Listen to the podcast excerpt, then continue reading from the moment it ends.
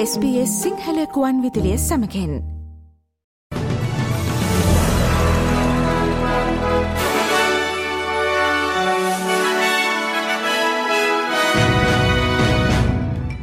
අද ඔක්තෝබර් දහස්සේ වනදා සඳුදා SBS සිංහල සේවේ ප්‍රෘතිගෙනන මම මදුරසන විරත්න. වොයිස්ටු පාලිමෙන්ට් ජනමත විචාරණය අවසන් ප්‍රතිඵලය ලෙස මධ්‍යමරජයේ යෝජනාව පරාජයට පත්විය. ඔස්ට්‍රලයාාවේ ප්‍රාන්ත හයම සහ නොදන් ටෙටරිය එහිදී නෝලෙස වැඩි වශයෙන් චන්දය ලබාදී ඇති අතර ACTහි පමණක් බහුතර චන්ද ඉයස් ලෙස ලැබී තිබුණේ.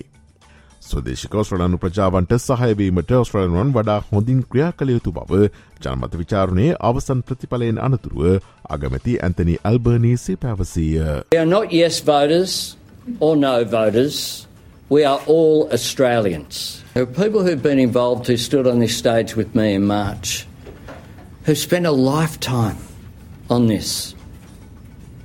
A lifetime. Struggling just to be recognised in our Constitution. I had a duty. මේ අතර මෙම ඉදිරිපියවර පිළිබඳ ඔස්ට්‍රලනුවන් ආඩම්බරවිය යුතු බව නෝව්‍යාපාරයේ ප්‍රධාන නායකත්වයක් ගත් සෙනට් සභික ජසින්තා ප්‍රයිස් පැවසවාය. The Australian people have voted overwhelmingly uh, say no to this referendum. They've said no to division within our constitution along the lines of race. They've said no to the gaslighting, to the bullying, to the manipulation. They've said no to grievance uh, and, and, and the push from activists to suggest that we are a racist country when we are absolutely not a racist country. ජනමත විචාරණයේදී මධ්‍යම රජයේ යෝජනාව පරාජයට පත්වීමෙන් පසු ස්වදේශක ෝස්ට්‍රලනුන් අත්විඳින ගැටලු වෙසඳීම සහ සමාජ පරතරය නැතිකිරීම සඳහා නව ක්‍රියාමාර්ග හෙළිදරව් කිරීමට ය සහ නෝයන ප්‍රචාරණ ව්‍යාපාරයේ දෙපාර්ශවයම ප්‍රතිඥාදී ඇත.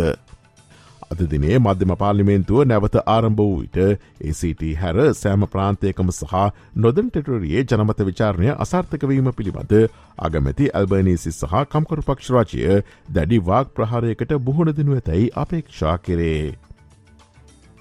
ඊස්ට්‍රයිලීන් පිටවීමට අවශ්‍ය බව දන්වා ඇති ඔස්ට්‍රලනුවන්ට උපකාර කිරීම පිණිස ගුවන්කමන් සංවිධානය කිරීම සඳහා වානිච ගුවන් සමාගම් සමඟ කටයුතු කරන බව ඔස්ට්‍රලනු මධ්‍යම රජය පවසයි. ඔස්ට්‍රලන්වන් නවසියක් පමණ දැනටමත් ඒශ්‍රයිලයෙන් ඉවත් කර ඇති අතර තවත් සිය ගණනක් නැවත ගෙන්වා ගැනීමේ කටයුතු මේ වන විට සිදුවමින් පවතිී. සිද්නි නගර මධ්‍යයේ පැවති පලස්තනයට සහය පලකිරීමේ සාමකාමේ රැලියට පැමිණ සිටේ විරෝධතාකරුවන් සැවීමට සහ හඳුනා ගැනීමට අසාමාන්‍ය පොලිස් බලතලයේදවීමේ අවශ්‍යතාවක් නොමැති බව නිවසෝත්තෙස් පොලිසිය පවසයි. හයදහසක පමණ ජනතාවක් සහභාගිය වූ මෙම රැලිය නිරීක්ෂණය කිරීම සඳහා පොලිස් නිලධාරීන් දහසකට වැඩි පිරිසක් යොදවා තිබුණේ. මේ අතර මෙල්බන්ඩුවර වික්ටෝරයා ප්‍රාන්ත පුස්තකාලෙන් පිටත සහ අවට වීදිවල පලස්තයින ශ්‍රයිල සිදුවීම සම්බන්ධ රැලියක් සඳහා දස දහසක පමණ ජනතාවක් රැස්ස සිටි බවවාර්තාවේ. ශ්‍ර ලංකාවෙන් වාර්තාාවන පුවත් අද වැඩ ශ්‍රහණය ශ්‍ර ලංකේ පුවත්තිමස්මෙන් බලාපොරොත්තුවන්න. ඊශ්‍රායිලයට ඉතිහාසේ දරුණුතම ප්‍රහාරය එල්ල කළ හමස් සංවිධානය විනාශ කර දමන බවට ඊශ්‍රයිලාග මැති බෙන්ජමින් නෙතන්යාහු ප්‍රතිඥාදී තිබේ. ඊශ්‍රයිල් හමුදා මේ වන විට ගාසාතීරේ ගොඩවිම් මෙහිම් සඳහා සූදානම් වෙමින් සිටේ. දකුණු කලාපේ නිවත්වන ලෙස ශ්‍රයිලයේ ගාසාතීරයේ වැසියන්ගෙන් ඉල්ලා තිබෙන අතර සිය දහස් කණනක් ජනයා දැනටමත් එම කලාපෙන් පිටව ගොස්තිබේ. මිලියන දෙකදශම දෙකට අධික ජනතාවක් හමස් පාලනය යටතේ පවතින් ප්‍රදේශය ජීවත්වන අතර ඉන් අඩක් පමණ ගාසා නගරේ වාසය කරති. පසුගිය සතියන්තේ නවසිලන්තේ පැවති මහමතිවරණයෙන් කමකර පක්ෂය පරදා නැශනල් පක්ෂය විශිෂ්ට ජයග්‍රහණයක් අත්කරගෙන තිබේ. ඒ අනුව නැශනස් පක්ෂය ක්‍රිස්ටෝෆ ලක්සන් නවසිලන්තේ නව අගමතිවරයා ලෙස තෝරාපත් කරගෙන ඇත.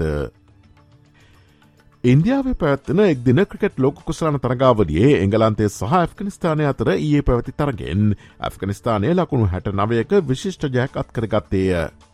මේ අතර පළමුුවටේ ශ්‍ර ලංකාව මුහුණ දෙන සියත්තුන් වන තරගේ ඔස්ට්‍රලයාාවට එරහිව ඔස්ට්‍රලයනු දිවා සම්මත වෙලාවෙන් අදරාත්‍රිය හතයිතිහට ආරම්භීමට නීමිතයි. ආබාධයක් හේතුවෙන් ශ්‍ර ලංකා කණ්ඩාවේ නායක දසුන් ශානක ශ්‍ර ලංකා සංචිතයෙන් ඉවත් කර ඇති අතර එවනුවට චාමික කරුණාරත්ත සංචිතයට ඇතුළත් කරතිබේ. මෙහෙතුවෙන් කොසල්මෙන්ඩිස් ශ්‍රලංකා කණ්ඩාමේ නව නායකයා ලෙස කටයුතු කරනු ඇත.